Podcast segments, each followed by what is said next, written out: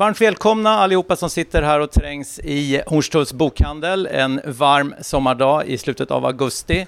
Jag som säger det här eh, heter Jonas Nordling och hälsar också dig som lyssnar på podden välkommen till det här samtalet. Bredvid mig här så står Erik Tengerstad, det är kvällens huvudperson. Eh, jag ska eh, försöka få honom att förklara vad han vill med sin senaste bok, Demokratins fula tryne.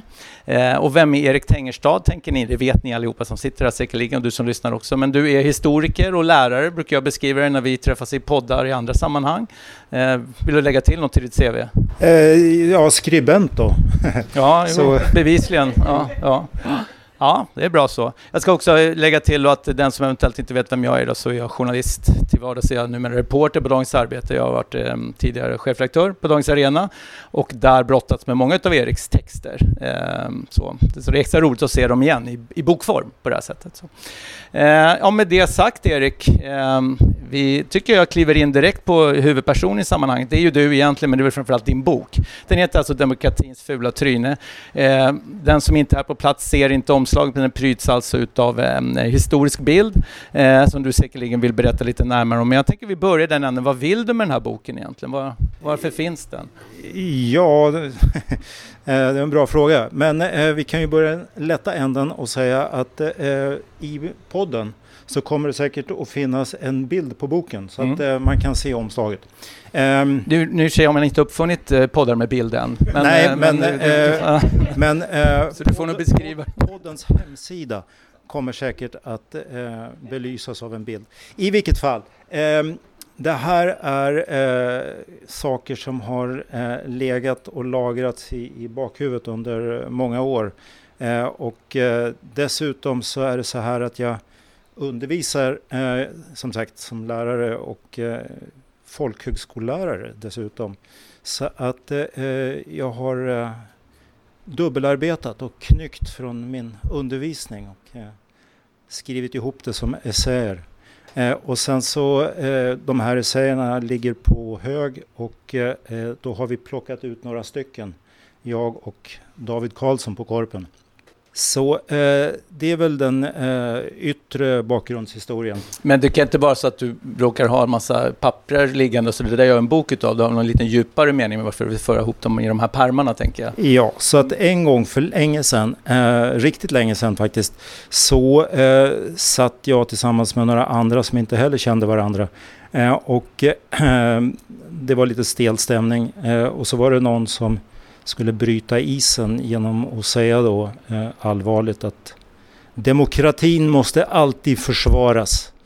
Varhelst den sticker fram sitt fula tryne. Ja, och det är ju också då, bortsett från titeln så är det ju också scenen som inleder hela boken. Ja. Så, ja, du håller ju oss som läser då lite sträckbänk och förklarar inte riktigt vad det där är för scen. Men jag tror ändå för att man ska förstå sammanhanget. Du måste nästan berätta vad, i vilket alltså, sammanhang du ja. hör detta yttras. Så en gång för länge sedan så var jag eh, sekreterare på studentkåren på universitetet. Jag var alltså eh, tjänsteman på, på kåren och eh, satt då tillsammans med de här förtroendevalda politikerna. Så att jag var lite katt bland hermelinerna. Då. Jag var inte politiker själv utan jag satt som tjänsteman bland eh, politikerna. Och eh, det var i det här sammanhanget då som eh, det yttrades av en numera förhållandevis känd politiker. Um, Name names? Nej, nej. Aha. Okay. Mm. Nej. Jag har lovat hen att inte göra det.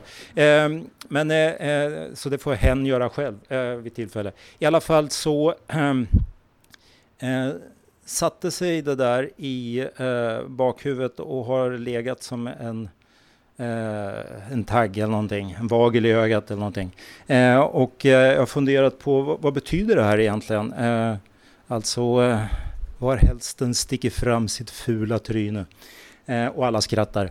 Eh, alla är införstådda. Eh, så ehm, det jag tänker är att eh, eh, demokratibegreppet är betydligt mer komplext och eh, svårfångat än vad man kanske vill låtsas om. Vi är alla goda demokrater och eh, hej och hå. Så räcker det med den saken. Men det stämmer ju inte riktigt. Nej, och efter den här inledande scenen då så tar du ju med läsaren på a hell of a ride kan man väl säga. För det, är ju, liksom, det finns ingen hejd på var man kan hamna i den här historien. Eh, det, den röda tråden som du beskriver nu är då att det är någon sorts eh, demokratiförsvar i grunden som jag uppfattar det. Eller vad vill du lämna läsaren när man väl har slagit ihop boken och liksom konstaterat vad var det jag var med om egentligen? Ja, förhoppningsvis så kommer folk att tänka själva. Så jag ska inte tala om vad, vad man ska tänka. Ja, du är så ödmjuk, men jag tänker så att när man skriver en bok så har man ändå en bild av vart, vart vill jag lämna läsaren. Skriver jag en deckare så vill jag kanske att de ska förstå vem som var mördaren. Vad vill du lämna läsaren i den här? Så eh, en av de här texterna eh, handlar då om eh, demokratins eh, väsen och värde. Eh, som är då en boktitel av eh, Hans Kelsen. Eh, en bok han skrev för hundra år sedan. Och ehm, det, eh, det där är lite grann en nyckeltext tänker jag. Så eh, Hans Kelsen var eh, rättspositivist och slogs då med eh, naturrättsjurister eh, som eh, Carl Schmitt. Så att eh, under eh, mellankrigstiden så här, var det här en väldigt eh, konkret eh, och påtaglig debatt mellan eh, Kelsen och Schmitt. Och eh, det här har väl hamnat lite grann i eh, bakgrunden. Det, det, folk känner kanske till Carl Schmitt men inte så många känner till eh, Hans Kelsen. Eh, och eh, det som, som jag vill liksom lyfta fram här då det är att Kelsens rättspositivism går ut på att i, i väldigt snabba drag då. den går ut på att demokrati är en beslutsform som producerar folk. Alltså Carl Schmitt han gick i taket då för att eh, han menar att eh, folken finns och folken skapar sin demokrati. Men Kells han menar precis tvärtom då att eh, eh demokratin finns och genom eh, ett demokratiskt eh, eh, beslutsförfarande och en konstitutionalism så produceras folk. Och folken är, är inte vad ska jag säga, eviga, de är tidsbestämda och eh, ganska eh, fragila om man säger så. Eh, det, så att, eh, bara för att konkretisera det här. Eh, Kelsen var eh, så att säga österrikare eller eh, bömare eller vad man vill. Och eh, efter första världskriget så fick han i uppdrag att ehm, eh, skriva eh, den nya staten Österrikes eh, konstitution som är då ett eh, under av eh, demokrati, Eh, parlamentarisk demokrati. Eh, och poängen är då att eh, i en demokrati så fordras det en sak. Alltså om vi pratar folkstyre så, så finns det en sak som är absolut nödvändig. Och det är folket. Så utan folk inget folkstyre, ingen demokrati. Eh, problemet då i eh, Wien och i Österrike eh, efter första världskriget det var att eh, det fanns inget österrikiskt folk. Det fanns en massa människor och eh, en massa tysktalande människor som uppfattade sig själva som tyskar. Men eh, de skulle då alltså stöpas om och bli österrikare. På grund av segrarmakternas förhandlingsläge i Paris samtidigt, alltså Parisfredens framförhandlande då. det som blir Versaillesfreden. Och ehm, eh, enligt de här fredsförhandlingarna så skulle man då inte ha rätt att skapa något eh, demokratiskt Stortyskland. Alltså idén var väl att skapa en Eh, parlamentarisk eh, demokratisk republik som skulle heta Tyskland som skulle innefatta alla tyskar inklusive alla i Böhmen och Mähren och, och eh, Steiermark och Wien och så vidare.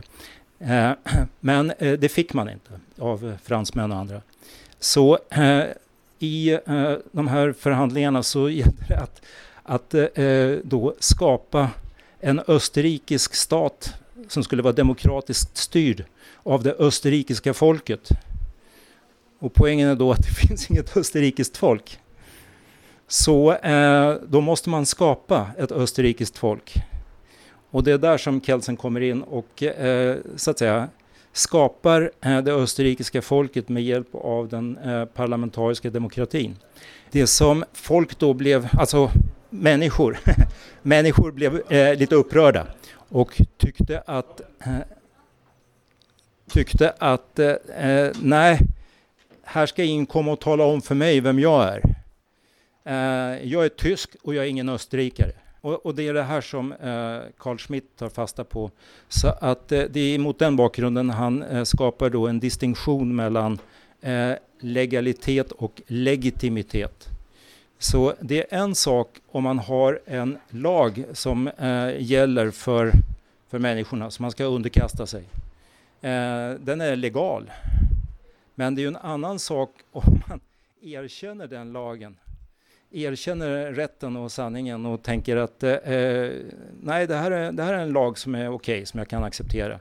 Eller tvärtom då. Nej, det här är ingen lag som jag erkänner. Det här är en olaglig lag.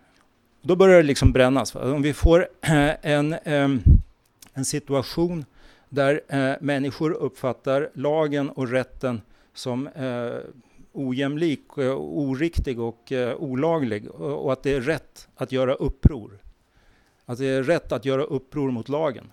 Eh, och då, då är vi inne på den här distinktionen som, som Kelsen, eh, eller som, som Carl Schmitt eh, eh, ställer upp då mot eh, Kelsens eh, rättspositivism.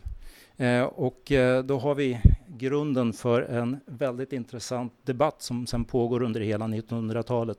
Jag tänkte vi skulle komma tillbaka lite kring det här med definitionen av demokrati och lite det som du gnuggar på här och vad vi kanske har för nytta av den här typen av kunskaper 2022. Eh, men eh, för mig när jag läser boken så handlar den kanske inte så mycket om det som du beskriver att den handlar om.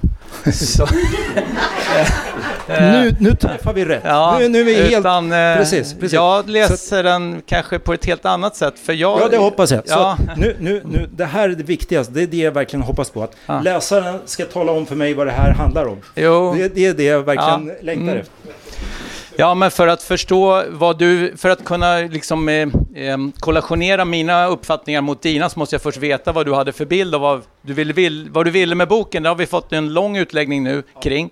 Vi kan konstatera, eh, min bild av den här boken och som kanske då gör att även den som är intresserad av andra delar än de du lyfte upp nu kanske är intresserad av att läsa den, det är att jag läser en författare som framförallt utmanar varje begrepp. Eh, finns det ett ord som seglar omkring som används demokrati, tredje världen, Eh, konspirationer. Konspirationer. Konspira konspirationer. Israel, religion, alltså alla eh, möjliga och omöjliga ord som far omkring i samhällsdebatten tar du tag i, lägger ner och dissekerar. Eh, nästan analt stundtals. så, ja. Eh, och det säger jag med egentligen ur ett positivt perspektiv, för att det är det som kanske är, är behållningen i boken, ur mitt, ur, ur mitt sätt att se den, det är att du ryggar inte för att verkligen så här, ni kanske tror att ni vet vad eh, det här begreppet betyder. Men nu ska jag berätta egentligen så. Det är en riktig besserwisserbok samtidigt. Ja, jag, jag, hopp, jag, hoppas att det inte ska vara så mycket egentligen, utan att eh, man får eh, lite grann tänka själv och ja. eh, förhålla sig själv. Att, men, men eh, om man tar det här med Israel så är jag då helt eh, fascinerad av själva ordet, eh, som alltså bokstavligen betyder brottas med Gud. Eh, och eh, det här går alltså tillbaka på eh, patriarken, då, på patriarken Jakob som eh, försöker att ta sig över en flod eh, och hamnar då i en eh, brottningsmatch eh, som aldrig tar slut. Han håller på hela natten, eller eh, de håller på hela natten. Och eh, till slut då när han är, de är möra allihopa, eller båda två, eller vad man ska säga, eh, då eh, står det klart för honom att han har brottats med Gud. Eh, så Sara eh, eh, brottas eller kämpa och L är Gud. Så att alla de här namnen då, Rakel, Daniel, Joel, Gabriel, allihopa har med Gud att göra. Alla som slutar med L. Elisabet, det, det är Gud. Och det som är viktigt då, eller ja, om man säger i så blir det då Israel eh, brottas med Gud. Eh, och eh, Gud kommer ju då som en röst från himlen och säger att eh, ditt namn ska inte längre vara Jakob, ditt namn är Israel. Och då tänker jag att eh, om man har den historien klar för sig så får man ett annat perspektiv på eh, Israel-Palestina-konflikten och annat. Så här. Det är lite sånt. En annan då, ett annat sätt att illustrera ditt tillvägagångssätt är en av eh, essäerna i boken är ett eh, beställningsjobb där jag bad dig skriva någonting om julen. Eh, och det jag fick var en lång, lång text som börjar med de tre vise männen som kanske varken var tre eller vise, kanske inte ens män, men de var i alla fall med där någonstans. Går via gammelsmurfen till James Bond och jag tror att du måste förklara lite för, för publiken och lyssnarna hur det där hänger ihop. Va? Alltså det, det, det, innan man kommer till James Bond så är det då eh, Elvis Presley i Las Vegas. Eh, det, det är glasklart. Eh, nej men alltså, ehm, det finns då en idé då om en stjärna som leder de här Magi, eller Magoi Eh, och eh, min eh, ingångsvinkel är att det här är då Matteus evangeliet. Det är bara i Matteus evangeliet som det här finns beskrivet, inte i de andra evangelisterna. Ehm, och magoi, eller magi, alltså det är, det är vårt ord magi.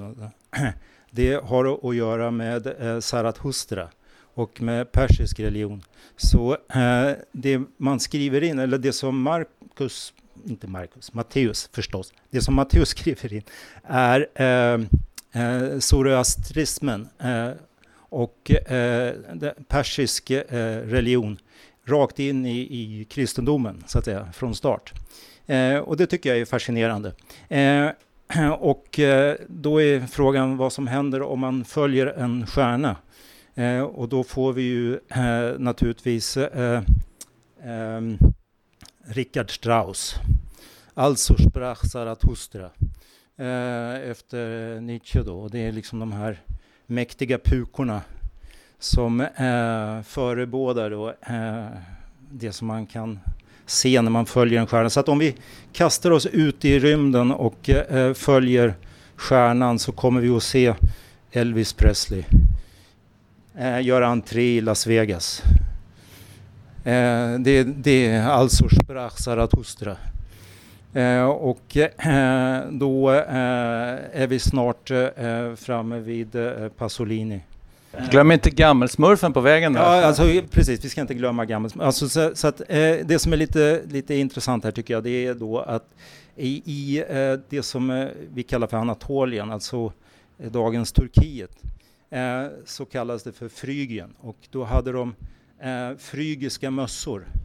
Eh, och det här är då eh, anförvanter till eh, bronsålders hetiterna som, som gjorde sig fria.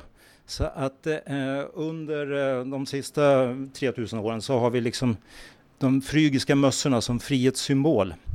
Och eh, de dyker då upp eh, naturligtvis i franska revolutionen. Så att eh, franska revolutionen betecknas av de här frygiska mössorna som eh, Marianne har med, med liksom den här tofsen framåt. Alltså det är gammelsmurfens mössa. Det är alla smurfarna, men, men de här franska revolutionen är röda då, som gammelsmurfen. Och, eh, och som troligen bars av de som vi sen kallar för tre vise män. Ja, eh, det finns då i Ravenna eh, en mosaik då från 500-talet. Eh, eh, och då visas de här tre vise männen med namnen utskrivna då på på kyrkväggen och eh, då har de långbyxor och de har eh, frygiska mössor för att liksom markera att de kommer från, från Persien eh, och att de rider. Eh, så eh, här finns liksom en, eh, en lång tradition eh, av att koppla ihop kristendomen med eh, zoroastrismen om man säger så. och det, det, är det jag försöker att liksom, och så plockar jag in då Pasolini på vägen. Elvis Presley och James Bond. Du inleder ju boken med, eh, eh, bortsett då från den här scenen som du har beskrivit och där du har hämtat titeln ifrån, så den inledande scenen, där väljer du att eh, lyfta upp en kanske lite bortglömd spionroman, Dimitrios mask. Eh, lite udda kanske att börja i den änden när man ska prata om demokrati och sånt. Liksom redan där blir det ett vill, eh, eller kanske ett sidospår tänker jag som läsare. Men nu, du, varför lägger du den först? Nu ska ni få veta allt om Erik Ambler och hans bok. Ja, ja precis, precis. Alltså, eh, det som är temat här är att eh, den romanen skrevs då eh, slutet på 38, början på, på 1939, kom ut då våren 1939. Och den eh, handlar uttryckligen om förkrigstiden.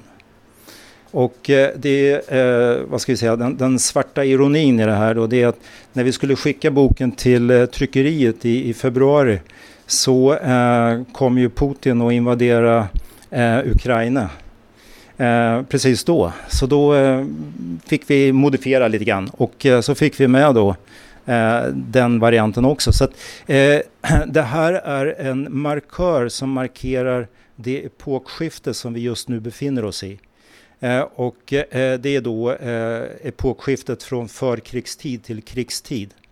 Så att från och med nu så befinner vi oss i krigstiden. Det kan man säga utan att berätta ett ord om Dimitrios Mask och Erik Ambler. Var, var, varför just om honom också? Därför att det, det är, en väl, ja, det, det, är en väldigt fascinerande roman helt enkelt. Det, det är en mycket välskriven eh, thriller. och Eh, Eh, det är en, det är en eh, roman som alltså kommer då 38, 39 och som kan sägas vara en karta över det vi kallar för mellankrigstiden. Men det visste han ju inte när han skrev att det var mellankrigstiden. Eller han anade. Han anade. Det, det är väldigt tydligt att han anar det kommande kriget. Men eh, men eh, det, det, är en, eh, det är en spännande bok och eh, en av de som eh, har läst den här och eh, fascinerats av den eh, då eh, James Bonds eh, skapare. Så eh, James Bond är ett barn av den här Dimitrios Musk. men det är inte bara han då utan också sådana som Hitchcock och, och eh, vad heter den här, Tredje mannen, alltså filmen Tredje mannen. Alltså det, det är liksom eh, skapat på basis av den här eh, thrillern eh, Dimitrios mask. Så att det, det, är en tematik som, eh, som kommer tillbaks som, som jag tycker att eh, den är värd att lyfta. Och att, anledningen till att jag lyfter upp den så här är också därför att när du började din inledning här som var väldigt lång och när du höll en väldigt liksom, ja, i sig säkert väldigt relevant framställning så tror jag att många kanske tänker gud vad länge han pratar om de där gubbarna som man inte vet så mycket om och så får man på en gång en väldigt typ väldigt hög akademisk torrhet i din framställning. Som vi en del tilltalas av, andra inte. Men jag tänker ändå för att sälja in boken. så, gör det, gör så, det. Så jag säga att poängen är det att du ryggar ju inte för populärkulturella kopplingar en spionroman från 30-talet, du nämnde Elvis Las Vegas-shower. Eh, parallellt med väldigt som, djuplodande diskussioner om hur vi ska tolka de här uh, begreppen. Och, och, det är ju det som på något sätt, du vandrar ju väldigt eh, brett så, eh, vilket gör att när man tror att man håller på att somna så bara blixtrar det till nästa mening därför att där dök gammelsmurfen upp. Va? Det är så, som lockar mig, va? den typen av ja, detaljer. Men det är också en hel e-, essä som på ytan ser ut att handla om en sak men som i slutändan bara handlar om din relation till The Bands konsertfilm. Så ja, det får du utveckla lite. Så, uh, så att Uh det här var i och för sig eh, en... Eh, jag blev så upprörd. jag blev så. Det, var, det var då för eh, nästan två år sedan eh, och eh, folk eh, började att eh, välta statyer Eh, och det har jag kanske ingenting emot egentligen, men eh, om man gör det oreflekterat och, och, utan att det finns eh, någon egentlig baktanke, då blir jag irriterad. Så eh, då menade jag att eh, vi måste välta rätt statyer, inte bara vilka som helst då, utan eh, här gäller det att eh, skapa eh, självprövning genom självkritik och eh, eh, att välta Anders Retzius till exempel eh, som ingen vet om, men det är alltså den här svensken som skapar skallmätningen. Så eh, som sagt, eh, eh, vi rör oss i, i cirklar som eh, kuggar i, eller ja, rör vid varandra, tangerar. Eh, och ehm, då eh, tänkte jag att eh, The Band och eh, Bob Dylan. Eh, och vem tusan är Bob Dylan egentligen? Vad håller han på med? Och då, då finns de här eh, scenerna, eller eh, replokalen där de hade spänt upp den eh, sydstatsflaggan, alltså den, den konfedererade sydstatsflaggan. Eh, och eh, det de gör i The Band, de var ju nästan allihopa kanadensare då, eh, men de låtsas att de är sydstatare och eh, eh kör någon slags eh, St. Louis eller eh, Deep South eh, musik av något slag. och frågan är, vad är det som händer här? Eh, och eh, just den, den sången som jag tar fasta på här, eh, The Night They Drove Old Dixie Down. Eh, och eh, då är frågan, vad är det som händer? Alltså det, det, är då man ser det amerikanska inbördeskriget från den här eh, sydstatsbondens perspektiv. Eh, och han trycks då ner i, så att säga, undertryckt läge eh, av eh, den vinnande eh, unionen, då, nordstaterna, eh, Yankees. Eh, och eh, den här eh, sången då, The Night They Drove Old Dixie Down, eh, det är då en sång som kan spelas så att säga på båda sidor av den här djupa klyftan som nu eh, utspelar sig i USA. Eh, där vi har så att säga å ena sidan och andra sidan och det är inte så mycket som överbryggar. Men just den sången eh, menar jag, den, den överbryggar. Eh, så att det, den är då insjungen av Joan Baez och, och Johnny Cash och andra. Eh, och eh, frågan är då eh, hur ska man se och förstå eh, både det som händer i USA just nu men också det som händer här i, i Sverige. Och Eh, Eh, det som jag då irriterades över det är att man eh, det finns en tendens, tycker jag i alla fall, att man eh, efterapar tanklöst, okritiskt. Så ska man börja välta statyer i, USA, i Charlottesville eller något sånt där, så ska man göra det här också. Och varför det? det, det, finns liksom ingen, ingen djuplodande reflektion. Så det, det, var därför jag skrev det där. Mm. Jag tänkte vi skulle eh, börja eh, knyta ihop dagens samtal. Vi ska släppa in lite frågor här på slutet också. Men vi ska sluta där vi började, nämligen kring det här med demokratin. Som ändå är det som du åtminstone ville på, in och pilla i med boken, även om vi andra kanske läste på andra sätt. Eh, och det är det fina med att läsa som eh, ehm, individ med egna tolkningsrättföreträden. Men jag tänkte läsa upp en, eh, en, pa, en passage här i boken som jag tycker är bärande för hur du brottas dels med ordens innebörd eh, och hur du attackerar de eh, ja, utmaningar som du vill ställa läsaren inför. Eh, och det här är ur, ehm, eh, nu ska vi se, det här är sen som eh, då handlar om ehm, den, afghanen. Mm, just det. Ja. Al-Afghani. Al-Afghani, ja precis. Och, och, och, och hans, då, du brottas med han och Renan då. så. Men du skriver så här. För att tydliggöra problemet kan det vara värt att tänka att det som under 1900-talet kallats eh, inom citationstecken då demokrati under 1800-talet kallades för parlamentarism. Och det som under 1800-talet kallades för demokrati kunde under 1900-talet att kallas för populism. Och på 100 år, från 1880-talet till 1980-talet, kom alltså ordet demokrati att byta inriktning och innehåll. Från att ha betytt populism kom det att betyda parlamentarism. Och är man inte med på den vändningen, då blir det svårt att förstå dagens kris inom det demokratiska systemet. Det där är på något sätt det här är ju en essä som egentligen handlar om eh, alltså religiösa eh, strömningar inom polit, politiken. Men där så kryddar du in med just det här, det här är ju kärnbegrepp, eller kärnbudskapet egentligen i boken så som jag uppfattar att du vill pilla i själva begreppet demokrati. Mm. Du kan väl lägga ut det lite, för jag vet att du och jag har pratat mycket om det här med parlamentarism kontra demokrati och, och populismens egentliga liksom, ursprung och så. Vad är, vad är det du eh, vill säga här för läsaren? Eh, man skulle kunna säga så här att eh, det som händer med eh, upplysningstiden och eh, så att säga högmoderniteten är att vi får en eh, stark eh, frihetslängtan som slår igenom. Så från den tidiga moderna perioden 15, 16, 1700-talet så då handlar det om underkastelse för att eh, undvika eh, inbördeskrig och religiös eh, kollaps och annat. Men, men eh, från då eh, upplysningstiden så finns det en eh, bred och växande eh, önskan eller politisk strömning då om att eh, bli fri från eh, den här eh, yttre, det yttre absolutistiska tvånget. Om säger så. Eh, och eh, det är då eh, konkretiserat av det liberala, alltså frihet som eh, liber. Eh, och där har vi liberalismen.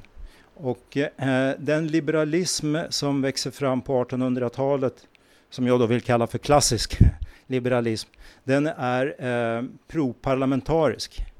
Men den är då jätterädd för eh, populism och för eh, anarki och, och, och kaos och, och, att eh, ur det så att säga, populistiska ska det växa fram autokrata ledare då, en slags diktatorer och tyranner av alla slag.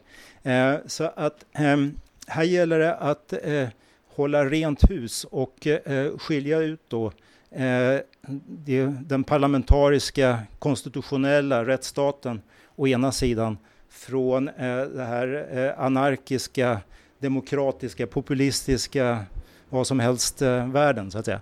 Eh, och ehm, det gör att eh, under hela 1800-talet så har vi ett eh, motsatsförhållande mellan parlamentarism och demokrati. Eh, men det här kortsluts under första världskriget, eller strax före och under första världskriget. Så att eh, efter första världskriget, och det är då vi har den här Kelsen till exempel, eh, eller för den delen eh, Carl Schmitt, eh, som försöker då att sy ihop parlamentarisk demokrati. Alltså man sätter ihop motsatserna till en helhet. Eh, och då, då börjar man ana att eh, i vårt parlamentariskt demokratiska vad ska jag säga, styrelseskick så finns det självmotsägelser. Det finns interna konflikter som vi inte hanterar, som vi måste så att säga tydliggöra. Eh, och eh, det, som, det som då eh, eh händer är att eh, under 1900-talet så, så att säga, förtränger man den här klassiska 1800-talsliberalismen och eh, så är vi alla nu goda, moderna demokrater i betydelsen eh, parlamentariker.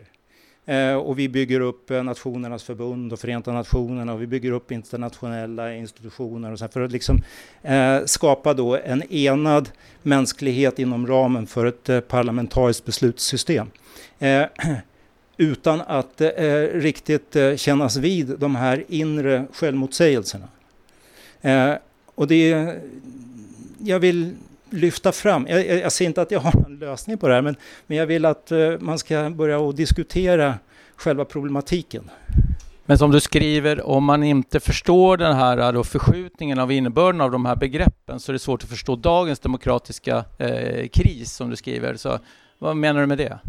Så eh, för att eh, det här med parlamentarism och demokrati ska kunna förenas som en helhet så fordras det att alla är med på tåget så att säga. Och för att alla ska vara med på tåget så fordras att man äh, blir inskolad redan från allra tidigaste ålder. Så äh, skolan äh, går ut på att eh, göra folk av människor. Det är liksom skolans enda uppgift. Och folket är då förutsättningen för ett demokratiskt beslutssystem. Utan folk, ingen demokrati. Så skolans uppgift är att göra folk av människor. Och eh, det här har Eh, och det är då på bekostnad av föräldrarna naturligtvis. Det är, liksom, det är det moderna liberala samhället som ska skola barnen så att de vet att de är eh, parlamentariskt demokratiskt eh, sinnade. Eh, på bekostnad av föräldrarna. Eh, men det här är, är då eh, de, de så att säga icke-modernistiskt, icke-liberalt sinnade föräldrarna. De sätter ju naturligtvis sig till motvärn och river ner och förstör den här skolan. För de vill inte ha den. Eh, och eh, där har vi eh, ett av de stora problemen nu. Om, om vi inte kan eh, ha en, en gemensam grundbult att parlamentarism och demokrati är samma sak. Om det rivs sönder, då faller hela det högmoderna samhälle som vi lever i och det är det som är krisen. Nu tänkte jag att jag skulle se om det är någon som har någon fråga på, på tungan så har ni en chans att ställa den nu till Erik. Ja, varsågod. Eh, vad har du för tankar kring eh, direktdemokrati? Eh, Jag tar den igen bara så att vi får in den också. Det, frågan handlar om vad tycker du om direktdemokrati som instrument? Och då har jag den här eh, essän som du var inne på om eh, Ernest Renan som den klassiske 1800-talsliberalen och eh, hans debatt då med eh, eh Eh, Al-Afghani. Eh, och eh, Renan är kanske mest känd för att han har skrivit ett föredrag, eller höll ett föredrag som heter Vad är en nation? Och i det här föredraget så säger han att en nation är, ursäkta mig den här metaforen, en daglig folkomröstning. Och då under 1900-talet så har människor läst det här och sagt ja, jättebra, det här är demokrati, det här är folkomröstning. Men man fattar inte att Renan han resonerar precis tvärtom. Han är inte demokrat, han tycker inte om folkomröstningar. Så att eh, han uppfattar då eh, nationen som eh, ett stort problem som genererar nationalism. Eh, och eh, problemet som han, eh, alltså när han tar upp den här parentesen då, ursäkta mig den här metaforen. Då, eh, och det, det, han använder är det franska ordet plebiscit, eh, alltså eh, folkomröstning. Och eh, det var då det begrepp som Napoleon den tredje använde för att bekämpa parlamentarismen. Eh, det finns ingenting som är så effektivt om man vill eh, så att säga, krossa parlamentarisk demokrati som direktdemokrati. Som folk, alltså folkomröstningar är katastrof ur ett demokratiskt perspektiv. Därför att i en folkomröstning så sitter det någon liten eh, redan existerande elit som formulerar en fråga som människor ska svara antingen ja eller nej på. Så vi har liksom en komplex fråga och så krävs man på ett eh, absolut enkelt ja eller nej. Och det är liksom, det, det, är så ledande som det kan bli. Men det finns en annan aspekt på det här också och det är att den här eliten, om vi säger så, eh, det är de som sätter vallängderna. Så det, det, är de som bestämmer vem som får rösta och vem som inte får rösta i den så, att säga, så kallade folkomröstningen. Så att direktdemokrati är alltid antidemokratisk om man använder demokrati som parlamentarisk demokrati. Och den, den poängen tror jag är jätteviktig att man liksom lyfter och verkligen diskuterar när det kommer då eh, så att säga, populistiska partier som kräver fler folkomröstningar. Då vet man, då, då är det ganska kört. Vi tar sista frågan här då. Eh, jag förstod inte riktigt vad du behövde ändra nu på slutet i och med Ukraina-kriget. I eh, december förra året, eh, 2021, eh, så eh, var Putin eh, på ett snabbbesök i New Delhi och träffade Modi. Eh, och eh, det här eh, gjorde mig väldigt eh, betänklig. Eh, vad är det som sker här? Alltså det, det är jättestora eh, affärsavtal som sluts då mellan Putins Ryssland och Modis Indien. och ehm, det här fick mig att börja gå igång då, så att jag tänkte att Putin är judomästare. Han är en högt rankad judomästare och eh, han har lärt mycket av sin judo. Så att, eh, eh, han bedriver, menar jag då, eh, en geopolitisk judo. Han eh, tar fasta på eh, motståndarnas eh, styrkor och vänder dem mot motståndarna själva för att eh, driva igenom sin egen agenda, så att säga, ehm, ja, under täcket eller så att säga bakom ryggen eller något sånt. Alltså det, det här är, det här är liksom eh, en form av stridsteknik. Eh, och då, då var jag väldigt nöjd med det och så tänkte jag att eh, en sak är i alla fall säker och det är att det kommer inte bli något krig i Ukraina för att Putin kommer aldrig att invadera Ukraina. Det skulle vara liksom att bränna hela den här eh, geopolitiska judon. Eh, och så gör han det. Och då sitter jag där liksom med skägget i brevlådan eh, Eh, och, och tänker att varför i hela fridens namn har han eh, så att säga blottat sig själv och eh, eh varför faller han på eget grepp på det här egentligen ganska enkla sättet som jag tyckte då det verkar. Eh, och då eh, tänker jag eh, vidare här också eh, eh, att eh, Putin och hans Ryssland, om vi säger så, det, det, är skillnad mellan Putin och eh, hans Ryssland å ena sidan och Ryssland å andra sidan. Eh, det är inte samma sak. Eh, och eh, det som eh, det pekar framåt här och det, det är en jättelik kris inom eh, dagens Ryssland. Eh, och så tänkte jag att eh, ett skäl till att invadera Ukraina är att dölja den redan nu pågående krisen inom Ryssland. Att det finns så mycket interna spänningar som inte släpps fram eh, och eh, att eh, det här eh, kommer att leda till en eh, absolut eh, kris då i, i dagens Ryssland. Ehm, så på det viset tyckte jag att jag fick ihop det hela eh, och då måste jag tänka om min egen position så att säga. Jag tänkte avsluta nu med en eh, liten kanske klurig dilemmafråga eh, till dig här nu avslutningsvis. Jag tror att det ändå har framkommit hur mycket jag uppskattar dina texter eh, och har ju varit till viss del också eh, medverkat i, i dem eh, genom åren också. Stort tack! Det hade ja, inte blivit Ja, det var inte det jag sökte, det, men, men, men, det var kul att du säger. Ja, det, det, det Skämt åsido. Det jag skulle vilja säga, jag sa ju redan innan att det är en riktig besserwisserbok. Eh, och det sa jag lite med, med det glimten i ögat, men också jag tror att vi båda två kan, så vi har den, det är ju ingen, det är ingen egenskap man egentligen vill ha, men att vi har rätt lätt att hamna i den där när vi berättar hur saker är för andra. Det har du gjort rätt mycket här nu också, berättat här hur, hur saker och ting ligger till.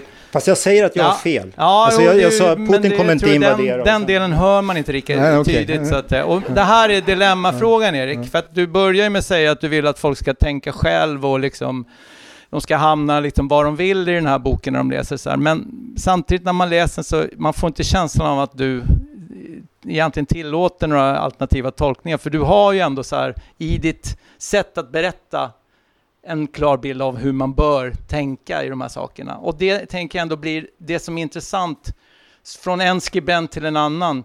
Alltså hur tacklar du det maneret som både du och jag har och samtidigt har en ambition som inte riktigt rimmar med det maneret?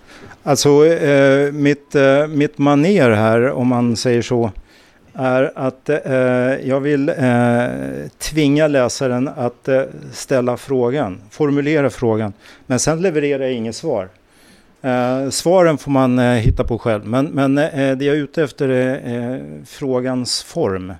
Eh, jag tänker att eh, om man då försöker att runda av det här så...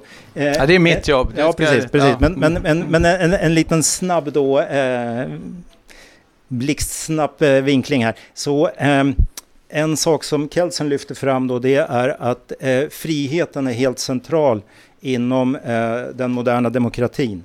Och därför måste alla bli fria. Och för att alla ska bli fria så tvingas vi till frihet. Tvånget till frihet är absolut nödvändigt i en parlamentarisk demokrati. Vare sig man vill eller inte så måste man tvingas att bli en myndig vuxen människa. Och det är det man ska bli då i skolan.